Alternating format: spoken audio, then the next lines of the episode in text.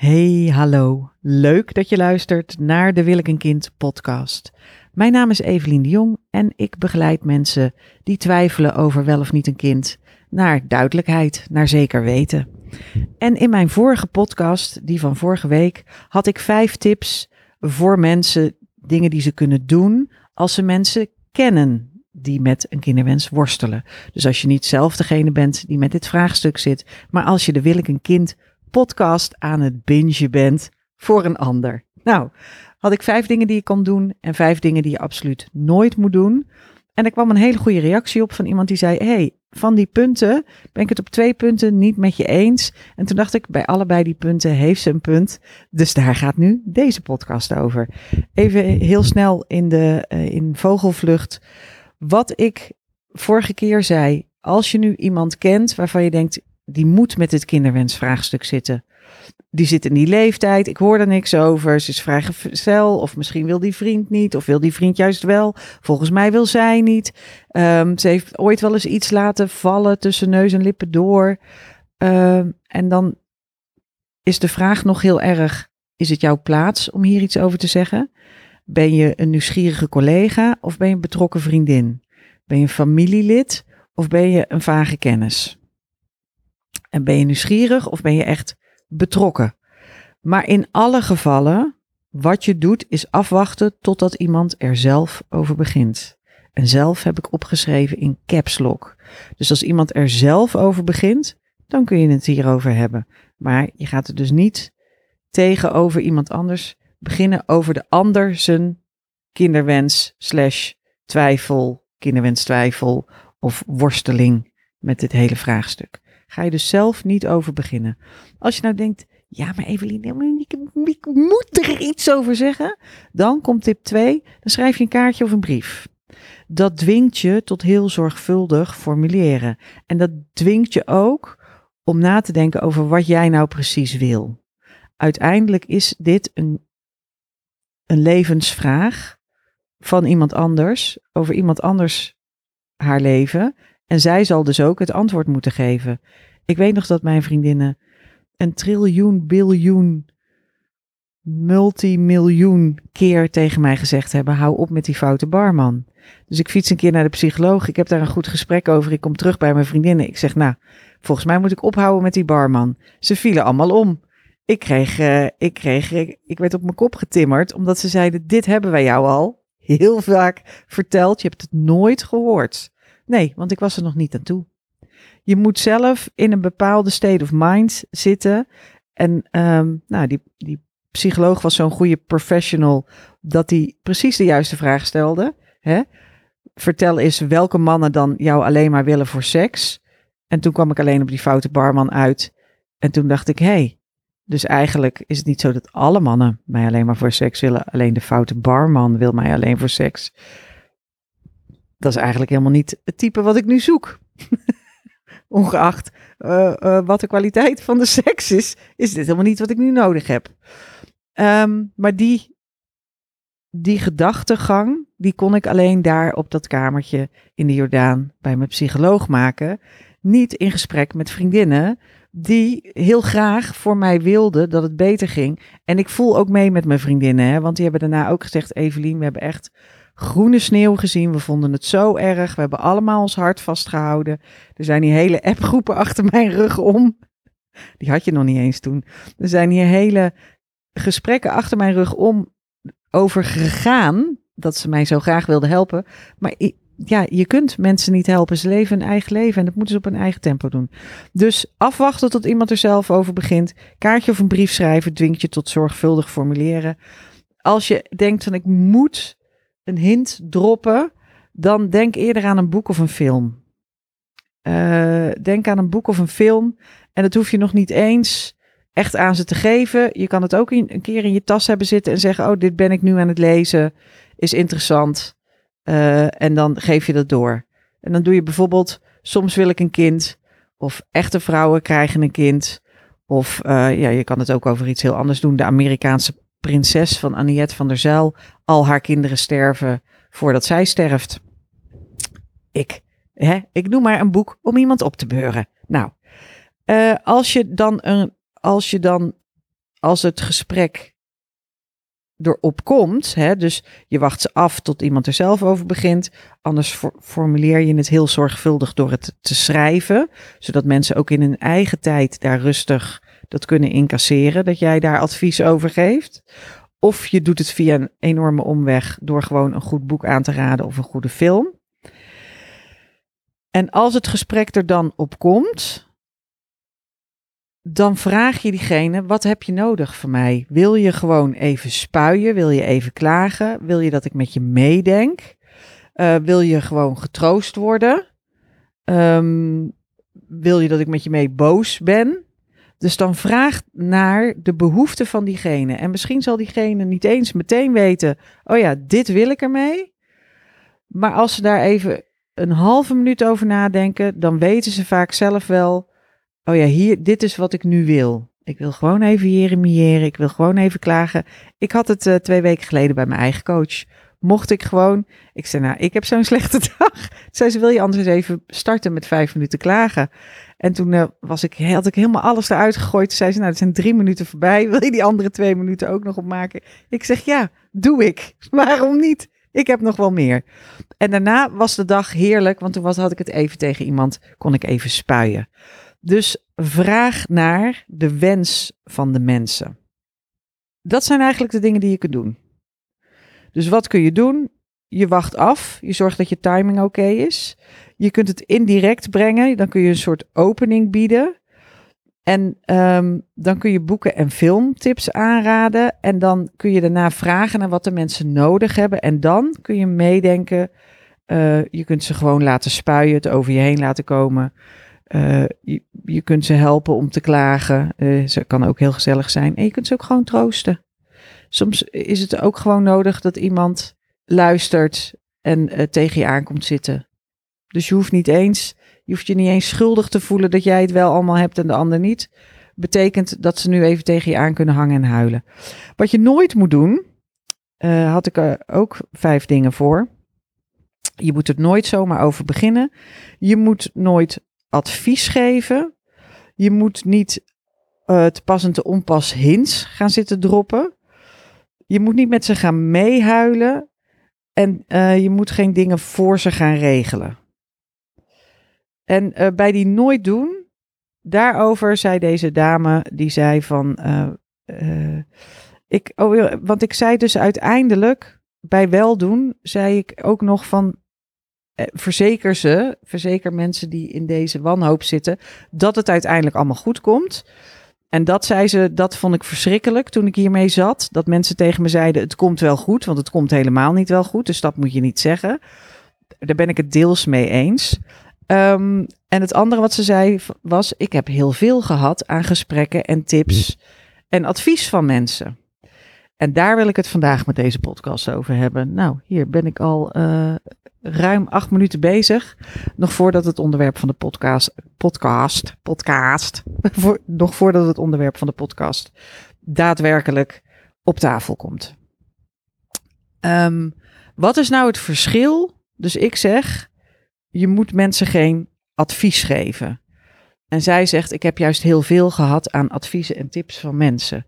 En daar zit het verschil tussen vragen aan mensen wat ze nodig hebben en als een consultant hun leven binnenwandelen, uh, binnenbanjeren en zeggen: Weet je wat jij zou moeten doen? Dit en dit en dit en dit. Hmm. Ik heb zelf ook aan voice dialogue gedaan. Dat is dat je met jezelf praat met de verschillende stemmen die je hebt in jezelf. Uh, en dan neem je een aantal karaktereigenschappen die, uh, waarvan je denkt: Oké, dit zijn een soort persoonlijke Evelientjes die in mij huizen en die een innerlijke dialoog met elkaar voeren. En dat ik Evelien de doortastende, Evelien de levensgenieter en Evelien de, de lieve, weet ik veel, de behulpzame. En die drie Evelientjes die gingen dan met elkaar in gesprek. Maar ik rekende heel erg op Evelien de doortastende om mijn leven voor elkaar te boksen. Maar toen ik dat voice dialogue aan het doen was, toen bleek dat ik de toon waarop ik tegen mezelf praat is funest. Dus ik ging als een soort juffrouw Mier tegen mezelf zeggen. Evelien, die zou eens wat minder dit moeten doen. En die zou eens wat meer dat moeten doen. En die ging eens, die Evelien zou eens meer op moeten ruimen. En ze zou eh, de agenda moeten bijhouden. Ze zou de sleutels eens niet moeten kwijtraken. Ze zou eens op tijd naar bed moeten gaan. Ze zou eens niet dit, ze zou niet dat. Nou, jullie hebben de podcast zachter gezet. Maar dat er op een toon die gewoon helemaal niet constructief was. Dus ik ging heel vaak van het ene uiterste naar het anderste, andere uiterste. Dus dan was ik weer naar de Wicked Jazz geweest en dan had ik weer een dansje gedaan, dan had ik een feestje gevierd. En daarna dacht ik, nee, alles moet anders. En dan ging ik radicaal naar de andere kant. Dan dacht ik, ik drink nooit meer. Ik ga nooit meer blowen. Ik ga nooit meer dit, nooit meer dat. Nou, dat hield ik dan een halve dag vol. En dan dacht ik, nooit meer. Dat is te zwaar. En dan vloog ik weer uit de bocht. Dus, uh, en uh, dit, dit hele riedeltje, nou heb ik misschien best wel 30 jaar volgehouden, um, moet je toch ook zelf uitkomen. Maar als je mij dan advies geeft, zelfs het advies dat ik mezelf gaf, waarom vertel ik dit? De toon waarop je het advies geeft en het soort advies dat je geeft. Je kunt mensen niet vertellen wat het beste voor hen is. Wat je wel kunt doen, is meedenken. En dat doe je vooral door vragen te stellen. Dus advies geven, goede gesprekken, ja. Maar wat eigenlijk daarbij drie hele belangrijke dingen zijn, is dat de ander het initiatief neemt. Dus degene die met dit vraagstuk zit, die neemt het initiatief. Die zegt: Ik wil hier nu aan werken, ik moet hier uit, ik wil hier iets mee doen. Of ik wil met jou een keer gaan lunchen en het er dan over hebben. Nou ja, wil je waarschijnlijk niet gaan zitten lunchen, want je zit verschut. Hè? Dus je doet thuis, je kan thuis lunchen, kan ook. Dat is een optie die wij Amsterdammers ons niet eens realiseren in onze kleine huisjes. Maar je kan ook thuis lunchen. Um, en dat je het er dan over gaat hebben. En dan is het dus, dus op initiatief van de ander. Dan stel je vooral vragen dat is punt twee. En het derde is dat je geen oplossing hoeft te bedenken. Dus iemand komt met jou, bij jou met een probleem of met een vraag, of ik zit hiermee, ik zit met die kinderwens, ik kom er niet uit. Je natuurlijke neiging is om als je advies geeft, om het probleem ook op te lossen. Dat voelt het lekkerst. Van nou, we, we hebben het hier even over, de oplossing is, nou, je zult leven zonder kind, en we gaan eraan werken dat je daar gelukkig mee wordt. Of je wordt solomoeder. We gaan samen nu kijken op de Kriosbank wat er allemaal te krijgen is aan zaad. Dat, die, dat hele um, concrete, duidelijke oplossing, dat je een punt kunt zetten, dat is niet handig bij dit vraagstuk, omdat het een proces is. En eigenlijk wil je dus zorgen dat iemand oké is met de twijfel en oké is met hiermee zitten. Dus dat is eigenlijk het grootste verschil tussen um, wat ik eigenlijk al zei, hè, van als je, als je in gesprek komt, als iemand anders het initiatief neemt, het gesprek komt erop, dan vraag je naar wat diegene wil en dan kun je dus wel meedenken. En je kan er ook goede gesprekken over hebben. Je kan er ook advies over geven. En je kan zelfs ook verhalen vertellen. Ik kom best veel vrouwen tegen die zeggen: Ja, ik heb met veel mensen gesproken die dit gedaan hebben. En dat is oké als jij maar degene bent die vragen stelt vanuit jouw interesse. Dus het gaat er niet om dat de solomoeder die jij spreekt het helemaal prima redt in er eentje, omdat ze hele fijne buren heeft en omdat ze een geluidsdicht huis heeft en omdat ze sowieso slaapt als een os, maakt niet uit wat er gebeurt. Het gaat erom dat jij degene bent die de vragen stelt en dat jij reageert op, uh, oké, maar dit lijkt me er moeilijk aan of dit lijkt me er heel leuk aan. Of hier zie ik bij mezelf tegenop. Maar dat je dus niet denkt: oh ja, dat solomoederschap, ik dacht dat het heel zwaar zou zijn. Maar ik heb nu een gesprek gehad met iemand en het lijkt me misschien helemaal niet zwaar. Ik heb zelf nog iemand geadviseerd die um, twijfelde over een, uh, een IVF-traject. En uh, daar heb ik een gesprek mee gehad. En ze zei: Ik zie enorm op tegen die prikken en die hormonen en uh, dat hele medische traject. Ik denk niet dat ik dat aan kan. Nou, en dan vraag je waarom kan je het niet aan en waar ben je bang voor? En uiteindelijk eh, zei ze zelf nou, ik kan natuurlijk ook erin gaan, het proberen en zodra als ik merk dat het niet meer gaat, ermee stoppen. En dat, zo'n zo'n hele, dat is dus niet een hele duidelijke oplossing. Dat is een beetje een net niet oplossing. Dat is van, oké, nou ja, anders moet ik er misschien maar aan beginnen. En zodra ik voel van, nee, dit is mijn grens, ik kan echt niet verder, moet ik dan stoppen. Dat, dat klinkt een beetje als uitstel hè, van, je, van je oordeel. Maar dat is precies wat er nodig is. Dat is precies wat er nodig is. En dan kan het meevallen of tegenvallen. Dat weet je niet. Maar er zit dus in het advies geven. Is het bij het advies geven is het belangrijk dat jij als toehoorder heel veel vragen stelt. En dan um, mag je ook nog wel verhalen van jezelf vertellen.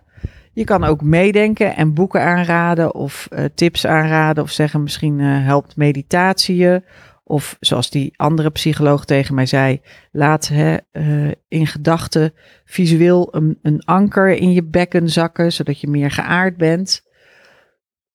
Maar het is fijn als uit zo'n gesprek iemand vertrekt met een vraag waar ze zelf het antwoord op kan vinden. In de plaats van dat mensen gesprekken met je voeren en dat, dat in het gesprek het antwoord gegeven wordt. Dus dat is, dat is een beetje mijn idee van een consultant. Die komt binnen, die kijkt een beetje rond en die zegt dan van nou, die meneer moet eruit. En uh, deze meneer mag blijven en die mevrouw moet daar gaan zitten. En dan hebben we kosten bespaard en dan gaan we zo verder. Dat, dat is de, een vorm van advies geven die bij dit vraagstuk niet werkt. Het werkt beter om te zeggen: um, heb je hier aan gedacht? Heb je daar aan gedacht? Um, uh, dit zijn ook nog interessante dingen. Ik heb hier eens van gehoord. Uh, er is een landelijk informatiecentrum donorconceptie. Misschien kan je daar eens kijken. Er is een mevrouw van Wil ik een kind. Die mensen helpt aan duidelijkheid. Check die chick. Um, maar dat is dus op een andere manier dan gewoon zomaar advies geven. En het laatste wat ik zei dat je niet moet doen, is dingen regelen. En daarmee bedoel ik eigenlijk zoals mijn ouders uh, dingen regelen, regelen. Dus um, en van de ene kant denk ik, ja, soms is het ook wel weer bijvoorbeeld. We hebben een buurvrouw en die heeft een zoon en uh, uh, die heeft weer een zus. Nou, dat is dan dus de dochter van die buurvrouw. En die, zo wordt er gedate. Zo wordt er gedate in Berg op Zoom. Ik ken er nog iemand en die, die kent dan weer iemand. En die heeft iemand in dezelfde leeftijd. En die is ook nog vrijgezel. Dus die moet je dan gaan treffen. Um, uh, of andere dingen regelen. Um, ik weet iemand die co-ouderschap wil. Ik heb een uh, etentje georganiseerd en jullie moeten samen praten. Of uh, ik heb je opgegeven voor een webinar. Of ik heb je opgegeven voor een masterclass. Je kunt dus niet. Je kunt wel dingen regelen waar mensen om vragen. Maar je kunt dus niet ongevraagd voor mensen dingen regelen. Dat werkt niet. Tot slot. Het komt goed. En dit is, wordt het onderwerp van de volgende podcast. Omdat um, zij heeft helemaal gelijk. Die dame die reageerde. Het is niks is zo verschrikkelijk als je helemaal in de put zit. Als iemand die naar beneden komt kijken en zegt: uh, Nou joh, komt wel goed. Dus op die manier bedoel ik het niet. Maar hoe ik het eigenlijk bedoel is dat dit is nu heel verschrikkelijk. En je komt er niet uit. En het is een ontzettende grote, allesomvattende vraag. En dat is heel erg. Maar uiteindelijk zal je leven doorgaan en zul je hiermee leven. En dat zal oké zijn. Dus misschien niet het komt goed, maar het is oké. Dat is eigenlijk meer nog, dat is, dat is beter gezegd dan uh, uh, het komt goed. Want dat willen mensen inderdaad niet horen. En dat is ook dat is het vervelendste wat er is. Als jij ergens heel erg mee zit dat iemand dan zegt: nee joh, komt goed. En vooral als je daar helemaal nul vertrouwen in voelt, dan, is, dan, dan werkt het averechts. Dus um, zeg niet het is goed of het komt goed, maar zeg het is oké. Het is oké om het niet te weten. Het is oké om hiermee te zitten. En mijn volgende podcast ga ik opnemen over spijt voor dingen, omdat dat nog steeds de grootste angst is van de mensen waar ik mee werk, is dat ze later spijt hebben. En dat is denk ik ook als iemand in die twijfel zit, in die kinderwenstwijfel, is dat ook iets waar ze bewust of onbewust last van hebben. Dat ze daar later spijt van krijgen. Nou, en dan moet je volgende week naar de podcast luisteren en dan gaat het over spijt. Ik wens jullie een hele fijne dag. Heb jij die beslisgids al gedownload? Je kunt de beslisgids downloaden op wilkenkind.nl schuine streep gratis. En uh, daar doe, kun je de twijfeltest in doen. En als je hem eenmaal in je bezit hebt natuurlijk, kun je die beslisgids ook uh, delen met anderen. Als ze erom vragen. tot de volgende podcast.